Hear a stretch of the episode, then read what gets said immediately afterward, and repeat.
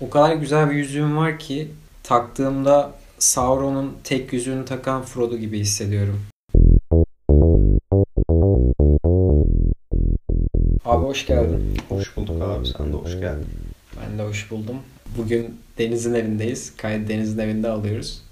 Normalde e, ilk bölümde de Volkan'la şöyle bir şey yapmıştık. E, karantinaya son 20 dakika kala bir challenge tarzı bir şey. 20 dakikada podcast çekmiştik. Deniz'le onu denedik. E, sonra- Başaramadık. Sonradan yetiştiremeyeceğimizi anladık ve e, Deniz dedi ki ben de çekelim abi. Ben dedim olur. Full prodüksiyon. Aynen full prodüksiyon. Bakalım editini e, güzel bir şekilde yapacağını iddia ediyor Deniz. Ben de inanıyorum büyük ihtimalle öyle yapacak. Yani elimden geldiğince yapacağım tabii ki editini. Dinleyenlerin de ilk bölümler arasındaki farkı kolay bir şekilde anlayacağını düşünüyorum. Sağ ol burada da e, ilk bölümdeki editteki başarısızlığıma değindiğin için. Abi direkt en merak ettiğim soruyu sana sorayım mı? Tabii ki. Ee, bir grup nasıl oluşuyor? Yani nerede tanışıyorsun? Abi işte şöyle bir grup kuralım mı? Ee, kimleri alalım? Ya bu, bu nasıl oluyor? Nasıl işliyor? Bu nasıl işliyor? Aslında burada iki temel seviye var. Bir tanınan piyasada sağda solda çalan müzisyenler. Bir de daha amatör, sahne tecrübesi çok olmayan, yeniden yeni olarak sahneye başlamak isteyen müzisyenler. Yani birçok imkan var aslında yeni başlayanlar için. İşte ben şu enstrümanı çalıyorum ama bir grupta çalmak istiyorum. İşte Garage.org diye bir site var mesela. Orada yazıyorsun. Müzisyenim, şu enstrümanı çalıyorum, klavye çalıyorum, grup arıyorum. Ya da mesela yazıyorlar bir gruba solo gitarist ihtiyacımız var falan. Buradan networkler kurulabiliyor.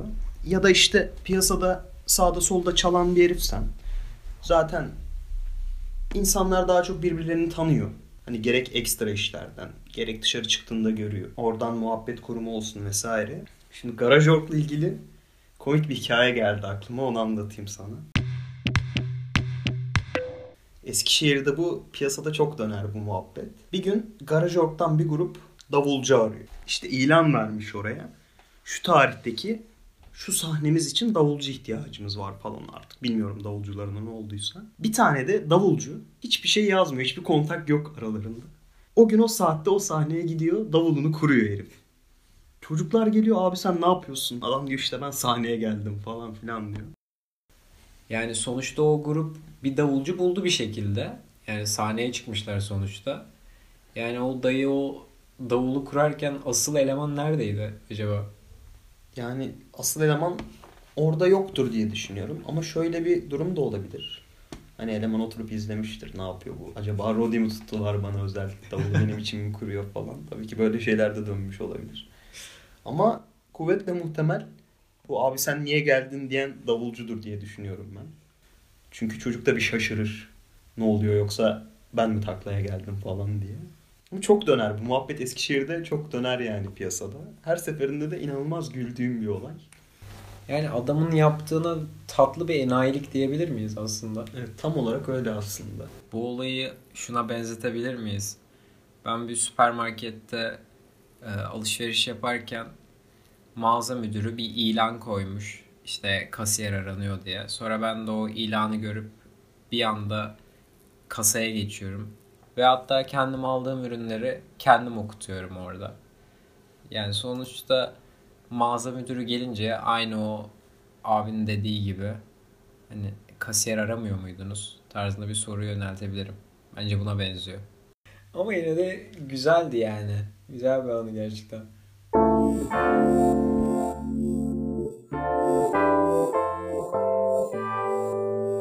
Hazır seni yakalamışken aslında e, konuşmak istediğim bir konu var seninle. Aslında çok bir e, ne denir ona? Sıcak haber mi? Taze haber, gevrek haber, simit haber. e, Erman. bu çok dediğim gibi gevrek bir haber değil. Geçtiğimiz haftalarda e, arkadaş grubumuzca tapılacak seviyede sevdiğimiz Daft Punk grubu bildiğin gibi ayrıldı. Sen burada bir müzisyen olarak e, buna bakış açın, e, biraz teknik analiz müziğe adanmış neredeyse 30-40 yıl. Bu birliktelik sence neden bitti? Bunu biraz sormak istiyorum sana. Tabii ki bu birlikteliğin neden bittiğini aslında bilemeyiz. Fikir anlaşmazlıkları olabilir. Birlikte yeni bir şeyler üretme sorunu, ürün elde edememe sorunu olabilir. Yani iki taraftan birisinin artık bu işten vazgeçmiş olması olabilir. Yani düşünceme göre çoğu zaman mesela bu ikili ayrıldığı zaman farklı solo projeler olabilir, başka projeler olabilir. Yani eğer müzikten beklentileri kaldıysa bu işe devam edebilirler. Yani sonuç olarak farklı müzisyenler bir araya gelip nasıl ürün elde edebiliyorsa birlikte olan müzisyenler ayrılıp tek başına da ürünler elde edebilir. Başkalarıyla da elde edebilir. Yani aynı şunun gibi değil mi? Hepsi grubu ayrıldıktan sonra Gülçin'in solo olarak devam evet, etmesi. Gülçin Ergül bu arada ben dinliyorum. Solo projelerini de takip ediyorum. Hatta arabesk albümü yaptı. İbrahim Tatlıses şarkılarını biraz daha funky bir şekilde coverladı. Bence de gayet kaliteli ve güzel. Evet. What Funk'la devam ediyor Gülşin. Kendisinin canlı dinleme neyine denir onu? Şerefine e, Nail olduğunu. çok küçükken nail olmuştum. Tabii o zamanlar hepsi grubu dağılmamıştı henüz. E, ilçemiz Mandalina Şenliği'nde belediyemiz e, yani ilk bölümde belediyemize tabii birazcık şey yapmış oldum e, sakatlığımdan dolayı ama belediyemizi takdir ettiğim konular da var. E, küçüklüğümde e, kendilerini hepsi grubunu özellikle hepsi grubunu Ebru Gündeş'i falan yani böyle büyük sanatçıları e, ilçemizde görebildik. Yani ben hepsi grubunu özellikle Gülçin'i e, canlı izleme şerefine nail olmuştum. Tarkan gelmişti buraya. Ben de onu hatırladım şimdi. Çok büyük sanatçıları Evet. e, belediyemiz konuk ediyor. Yani burada hatta ilk bölümde bana şey demişlerdi işte niye belediyeye bu kadar taktın falan. Yani ben belediyemizin e, şikayet ettiğim konularını da söyledim. Şu an bu podcast'te sevdiğim özelliklerini de e, söylüyorum özellikle. E, burada ilk konuya dönecek olursak e, şey demiştim. O grupta hani fikir ayrılıkları olabilir. Bundan dolayı işte grubu ayırma kararı almış olabilirler. O yüzden emekliye ayrılmış olabilirler tarzı. Şu an şeyi düşündüm yani bu fikir ayrılığının sebebi acaba e, menemen soğanlı mı olur soğansız mı olur tartışması aralarında yaşanmış mıdır? Direkt aklıma şu geliyor. Yani ben e, Thomas kesinlikle soğanlı olur demiştir diyorum menemene. Gaymen soğansız olur demiştir. Yani buradan aralarında büyük bir tartışmanın grubun emekliliğine dağılmasına kadar sürüklendiğini düşünüyorum. Gaymen'in yerinde olsaydım ben de menemenin soğansız olması gerektiğini savunurdum. Ben de grubu bırakabilirdim bu yüzden. Yani o 30-40 yıllık grubu menemen soğansız olur deyip ayırır mıydın? Yani ayırmaya da bilirdim. Çünkü ikiye bölünebilir menemen. Soğan katılacağı kısmında ayrılabilir.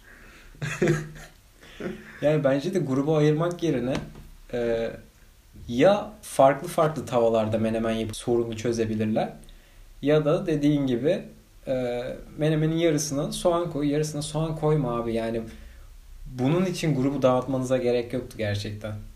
Yani bana ayrılıkları çok biraz çocuksu geldi yani böyle bir lise ilişkisi edasında. En küçük e, bir menemen kavgasında bile grubu dağıttılar. Ya tabii ki bunun eleştirisini yapabilmek için aslında sorunun temelini de öğrenmek gerekir. Belki onlar da bilmiyor neden ayrıldıklarını. Ada ben ayrılmak istiyorum deyip ayrılmış olabilirler mesela. Issız Adam filmini hatırlarsan orada Tabii bir tabii. toka tokayı buluyor. Ve sonra dağılıyor. Evet ve sonra yıkılıyor herif. Acaba bir gün Thomas'ın da başına böyle bir şey gelebilir mi? Ne diyorsun? Mesela kahve içmeye gittiği bir yerde Game of Love çalacak. Thomas böyle kafasını ellerinin arasına alıp yıkılacak. Ne yaptım ben? Soğanlı menemen de yerdim ben. Soğansız da yerdim.